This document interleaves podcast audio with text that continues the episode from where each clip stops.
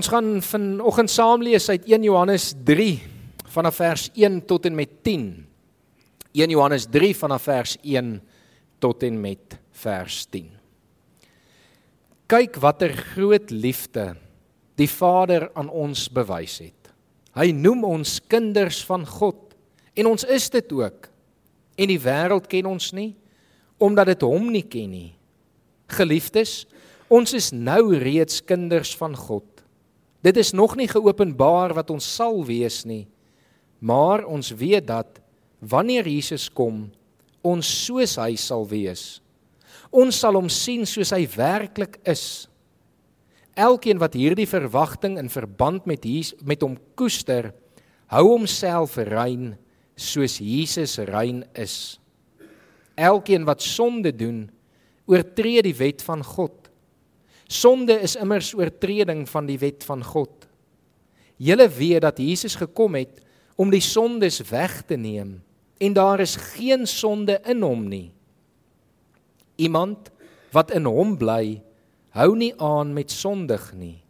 Iemand wat aanhou sondig, het hom nie gesien nie en ken hom nie. Liewe kinders, moenie dat iemand julle mislei nie. Wie regverdig lewe, is regverdig soos hy regverdig is. Wie aanhou sonde doen, behoort aan die duiwel, want die duiwel hou van die begin af aan met sondig. En die seun van God het juis gekom om die werk van die duiwel tot nul te maak. Iemand wat 'n kind van God is, doen nie meer sonde nie, omdat die gees van God in hom bly en hy kan nie meer sondig nie, omdat hy uit God gebore is. Hieraan is dit duidelik wie kinders van God en wie kinders van die duiwel is. Iemand wat nie regverdig lewe nie en nie sy broer liefhet nie, behoort nie aan God nie. Ons lees tot en met sover. Ek glo meeste van julle het dalk al die storie gehoor van die pa wat op 'n spesifieke Sondag nie kerk toe kon gaan nie, maar hy besluit om wel sy seentjie te stuur sodat sy seentjie mooi kan gaan luister en vir hom kan kom vertel wat die dominee die dag gesê het. Voor die tyd het hy die seun mooi vasgevat en hom mooi laat verstaan hy moet stil sit in die kerk, hy moet mooi luister en dan moet hy kom terugvoer gee. Na die erediens kom die seentjie by die huis en die pa vra vir hom: "So wat het die dominee vandag gesê?" En hy sê: "Nee pa, hy het gepreek oor sonde." En natuurlik is dit nie 'n goeie genoeg verduideliking van die preek vir die pa nie en die pa vra vir hom, "Nou wat sê hy van die sonde?" En die seentjie dink so oomblik en hy sê toe, "Pa, ek dink hy's nog steeds teen dit." Nou ek gaan vandag ook oor die sonde preek uh, en ek is ook nog steeds teen dit, so al is dit al wat jy huis toe vat, dan het jy dan so ietsie gehoor vandag. Maar ek het die laaste week of 3 agtergekom dat ons dalk eintlik te min oor sonde preek. Daar was 'n tyd in die kerk wat dit seker omtrent alles wat daaroor gepreek was en verlang is daar weggedoen daarvan want ons ons ken mos die genade en ons weet die verlossing en hoe belangrik en lekker dit is. En dit is baie lekkerder om te preek oor die dinge wat goed is en die vrug van die Gees en alles wat die Here in ons lewens doen. Maar tog is dit elke nou en dan nodig om net weer bewus te raak van waarvan ons regtig verlos is en hoe dit in ons lewens funksioneer en uitspeel. En daarom is dit ook belangrik om vanoggend hieroor te preek dat ek en jy ook weet hoe ons die pad vorentoe moet aandurf. Want op die ou ende is dit wonderlik dat ons vrygespreek is en dat ons in genade kan leef. Maar dan is dit ook nodig om te vra wat presies behels dit en presies hoe lyk dit? Hoe kan ek en jy dit regkry om werklik heilig voor die Here te leef soos wat hy ons geroep het om te leef? Hoe kan ek en jy werklik met sonde breek dit waarvan ons eintlik klaar verlos is? Vir van die eerste gelowiges het hulle selfs gewonder is dit regtig nodig om op te hou sonde doen? Van hulle het geredeneer en gesê maar hoe meer sonde ek doen, hoe groter is God se genade. Uh julle hoor dit klink so bietjie vreemd. maar dit was regtig in die vroeë kerk een van die redenasies wat mense gevolg het. Paulus kom dan en dan waarsku hy hulle in Romeine 6 vers 1 en 2 op ander gedeeltes ook, maar onder andere in Romeine 6 en 2 vers 1 en 2 dan sê hy moet ons aanhou sonde doen sodat die genade kan toeneem. Beslis nie. Hoe kan ons wat dood is vir die sonde nog daarin voortlewe? Ons kan mos nie. En ons weet dit eintlik. Ek en jy weet vandag dat as die Here ons gered het en ons vrygemaak het van sonde, dan het ek en jy die verantwoordelikheid om ons beste te doen om nie meer te sondig nie. In vandag se teksgedeelte hier in 1 Johannes 3 maak Johannes dit vir ons baie duidelik dat wanneer ons kinders van God word, as ons uit God gebore is, dan kan ons eintlik nie meer sonde doen nie dan is ons eintlik veronderstel om nie meer in staat te wees om te kan sondig nie. Vers 6 sê vir ons iemand wat in Christus bly, hou nie aan met sondig nie. En dan glo ek meeste van julle soos ek vra onmiddellik vir jouself dan, maar hoekom sukkel ek dan so? Hoekom is dit so moeilik dan om net heilig te leef? Hoekom kry ek dit maar weer reg om my geduld te verloor? Om iemand te skel, om slegte gedagtes in my te laat opkom en te koester, om nie liefde teenoor ander mense te bewys nie. Hoekom sukkel ons dan so? In Romeine 7 vers 17 dan sê Paulus dit wat hy graag wil doen, doen hy nie. En dit wat hy nie wil doen nie, dit juis doen hy. En dit skryf hy nadat hy jare lank al die Here ken en 'n pad met die Here stap. So selfs vir Paulus was hierdie nie so maklik nie. Uiteindelik kom hy tot die gevolgtrekking dat dit nie meer hy is wat die sonde doen nie, maar dat dit die sonde wat in hom nog bly is wat die sonde doen. Later verduidelik hy hierdie op verskillende gedeeltes in die Bybel baie mooi dat dit te maak het met ons sondige menslike natuur, ons biologie, ons vleeslikheid wat eintlik nog verslaaf is aan sonde. Met ander woorde, ons is vrygemaak van die gevolge van ons sonde. Ons gees is vrygemaak om ewig te kan lewe. Maar op 'n manier is ons vleeslikheid nog aangetast deur die sonde. Ons menslike natuur en ons biologie, ons genetika is van die sondeval van die begin af reeds aangetast.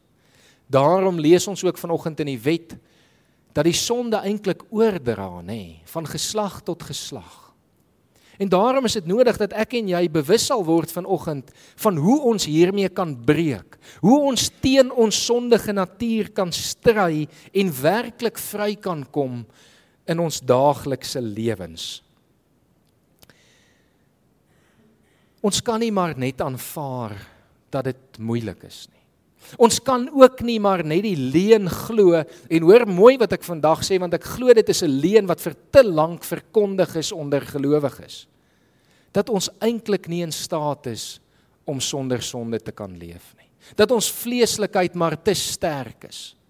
Dat ons maar op 'n manier altyd gaan bly val en altyd gaan bly verkeerd doen. Want as ons daardie leuen glo, glo ons nie wat die Bybel vir ons sê nie.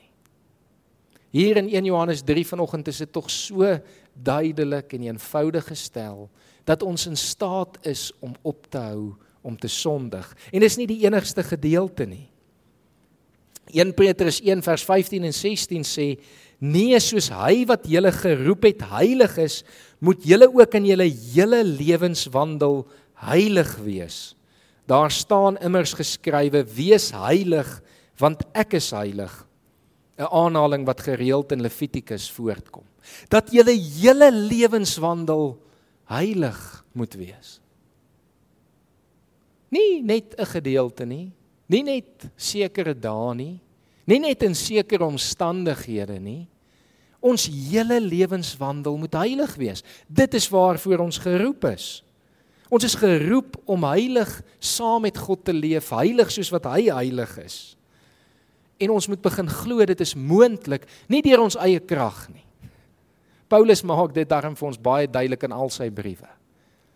Maar as ons ons deur die Gees laat lei, as dit deur die Heilige Gees se krag is, is dit moontlik dat ek en jy volledig heilig kan lewe sonder enige sonde. Hoe kry ons dit reg? En miskien moet ek hier bieg dat ek al lank ook worstel hiermee. Hoekom is dit so moeilik? Hoekom kry ons dit nie reg nie? En hier 'n rukkie terug lees ek toe Hebreërs 12 vers 4 raak. Julle het nog nie teen die sonde weerstand gebied dat dit vir julle 'n stryd om lewe en dood geword het nie. Ek en jy sukkel met sonde want ons het nog nie daarteen gestry asof dit 'n saak is om lewe en dood nie. Asof jou lewe daarvan afhang nie. Jy kan jy hoef nie vrae te antwoord nie. Maar het jy vir my nie, jy moet dit vir jouself antwoord. Het jy al so erg teen sonde gestry dat dit vir jou saak is om lewe en dood? Ek moes bieg dat tot en met onlangs uh dit nie by my die geval was nie. Dit was vir my ernstige saak en ek het my bes probeer. Maar dit was nog nie 'n saak om lewe en dood nie. Maar die waarheid is, dit maak nie saak hoe radikaal dit vandag klink nie, dit eintlik die waarheid is. Romeine 8 vers 13 sê vir ons as julle julle lewe deur die sondige natuur laat beheers, gaan julle die dood tegemoet. Met ander woorde, as ek en jy aanhou in ons sondige natuur leef, is die uiteinde vir ons die dood. Dit is 'n saak rondom lewe en dood. Maar en hier's die goeie nuus. Maar as julle julle deur die Gees 'n einde maak aan julle sondige praktyke, sal julle lewe. Met ander woorde, ek en jy kan sonder sonde lewe as ons deur die Heilige Gees 'n einde maak aan ons sondige natuur en ons sondige praktyke. Ons biologie gaan nie sommer net verander nie. Maar ek en jy het 'n verantwoordelikheid om daarteen te stry en dit onder beheer van die Heilige Gees te plaas sodat hy in beheer daarvan lewe en nie ek en jy nie. In Galasiërs 5 vers 16 sê Paulus: "Laat julle lewe steeds deur die Gees van God beheer word, dan sal julle nooit, hoor daai woord mooi, nooit soog voor begeertes van julle sondige natuur nie. As ons ons lewe deur die Heilige Gees laat beheer, kan ek en jy sonder sonde heilig voor God gaan lewe. En die goeie nuus is dat dit nie uit my en jou se eie krag of vermoëns hoef te kom nie. Dit gebeur deur die Heilige Gees. Hy's die een wat dit doen. Maar ek en jy moet 'n paar gewoontes aanleer om ons te help om seker te maak dat die Heilige Gees die een is wat in beheer is en nie ek en jy nie. As as daar versoeking kom, nê, nee, ons almal het maar versoekings en hulle kom in verskillende maniere en verskillende tye na ons toe. Maar die eerste ding wat ek en jy moet leer om te doen wanneer daar 'n versoeking oor ons pad kom, is om te bid. Ons moet bid want deur gebed kom die Heilige Gees en neem beheer. Ek en jy moet stry teen die sonde deur gebed. 2 Korintiërs 10 vers 5 sê vir ons dat ons elke gedagte gevange moet neem om dit aan Christus gehoorsaam te maak. Met ander woorde, voor ek en jy oorgaan tot sondige dade, die oomblik wanneer 'n gedagte in ons kop opkom wat ons weet nie van die Here af is nie, moet ek en jy bid sodat daai gedagte in gehoorsaamheid aan God gebring kan word. Sodat die Heilige Gees beheer kan neem en ons nie oorgaan tot 'n sondige daad nie. Ek en jy moet in die eerste plek bid. En tweedens moet ons ons Bybel ken. Ek en jy kan nie teen die sonde stry as ons nie die woord van die Here ken nie. Die beste verduideliking daarvan is Jesus. Jesus wat in die woestyn versoek was en elke keer wat het hy gedoen? Die woord van God aangehaal. Die duiwel wil baie keer vir ons in versoekings leuns verkoop. Hier is nie so erg nie. Ag man, dit is mos nou 'n kleinigheid. Ag weet jy, daai ou is mos maar so, jy mag maar vir hom kwaad wees. Hy verdien dit eintlik. Nee. As ek en jy nie ons woord ken nie, dan het ons nie die instrument nodig om teen sonde te kan stry nie en die duiwel te kan afweer nie. Hierdie kom so mooi in Jakobus 4 vers 7 voor wanneer hy skryf en sê onderwerp julle aan God deur te bid. Die eerste stap in gewoonte wat ek en jy moet aanleer om teen sonde te stry, is om onsself te onderwerp aan God deur gebed. En dan staan die duiwel te en dit kan ons nie doen as ons nie ons woord ken nie, as ons nie vir hom kan sê maar dit is wat die woord van die Here sê nie. Ons staan die duiwel te met die skrif. En dan sê Jakobus vir ons en hy sal van julle af wegvlug. Die versoeking sal weggaan. God sal die uitkoms gee in die versoeking, se belofte wat hy maak vir ons. In 1 Korintiërs 10 vers 13 staan daar geen versoeking wat meer is as wat 'n mens kan weerstaan het julle oorval nie. God is getrou. Hy sal nie toelaat dat julle bo julle kragte versoek word nie. As die versoeking kom, sal hy die uitkoms gee sodat julle dit kan weerstaan.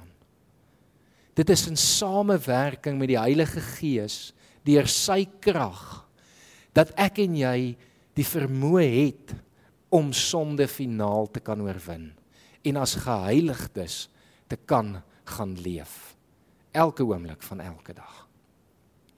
Op die ouende kom vanoggend daarop neer dat ek en jy die dag wanneer ons gekies het om die Here te volg, nuutgebore mense geword het. Wedergebore Christene, maar geroep is om heilig te leef. En vir te lank dink ek stop ons by die begin. Ons stop by die Here het jou vrygespreek. Die Here nooi jou uit om sy hart vir hom te gee. Jy is nou 'n gelowige. Jy het die ewige lewe. En dan keer ons maar terug en gaan aan in ons vorige lewens. Jakobus beskryf dit kras wanneer hy sê, dan is julle soos honde wat teruggaan na hulle braaksel toe. Ek en jy moet begin glo dat ons deur die Heilige Gees werklik heilig kan lewe en dat ons daarteen moet stry asof dit 'n saak is rondom lewe en dood dat dit vir ons so ernstig sal wees dat ons met ons hele lewens daartoe sal streef. Want op die ou einde gaan dit oor heiligmaking 'n proses van heiligmaking waar God ons nie net red en ons verlos nie maar ons aanhou vorm om die mens te wees wat hy ons geskep het om te wees sodat ek en jy vir almal rondom ons kan wys wat God in 'n mens se lewe kan doen. Baie mense sê vandag ag ons sien nie regtig meer wonderwerke nie. Die grootste wonderwerk is wanneer my en jou lewe verander van 'n sondaar se lewe na 'n heilige se lewe. Mag jy daarvoor gaan stry. Mag jy doelbewus kies om dit jou eerste prioriteit te maak. Mag ons vir mekaar bid hiervoor, want ek glo met my hele hart dat ons dit nie alleen kan doen nie. Ons het mekaar ook nodig. Jakobus sê vir ons dat ons teenoor mekaar ons sondes ook moet bely sodat ons gesond kan word.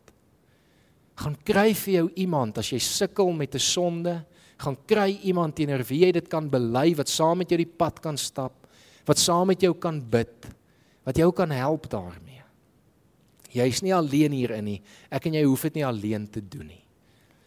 En bo dit alles onthou dat die Heilige Gees in jou woon en dat as jy in hom is, sal jy nie meer kan sondig nie. Leef uit die Gees, laat die Gees jou lewe beheer. Kom ons bid saam. Here, dankie. Dankie dat U ons vrymaak. Dankie dat U ons vryspreek. Maar Here, dankie dat hierdie verlossing nie maar net 'n uh, iets in die lig is nie, maar dat dit konkreet ook in ons lewens kan plaasvind. Dat ons werklik vry kan kom en in vryheid kan lewe onder beheer van u Heilige Gees. Here ons kom vandag en ons kom bely weer opnuut dat elkeen van ons gesondig het. Dat ons lewens nie is wat u wil hê dit moet wees nie. Maar Here, ek glo dat u elkeen van ons vandag deur u Gees op so wyse kan aanraak. As ons die keuse maak om tot u te nader, dat U beheer van ons lewens sal neem en dat ons dan as heiliges gereinig deur U verder kan gaan leef. Here, dankie dat ons kan weet daar waar ons wel val, U getrou is en regverdig is en as ons ons sondes bely, ons elke keer weer opnuut vergewe. Maar Here, ons wil nie net gemiddeld leef nie. Ons wil nie maar net elke keer weer val nie. Ons wil daarna streef om te leef volledig binne U wil. En ons vra dat U deur U Gees ons sal help. Dat ons mekaar sal help en dat U deur U Gees ons sal lei. Amen.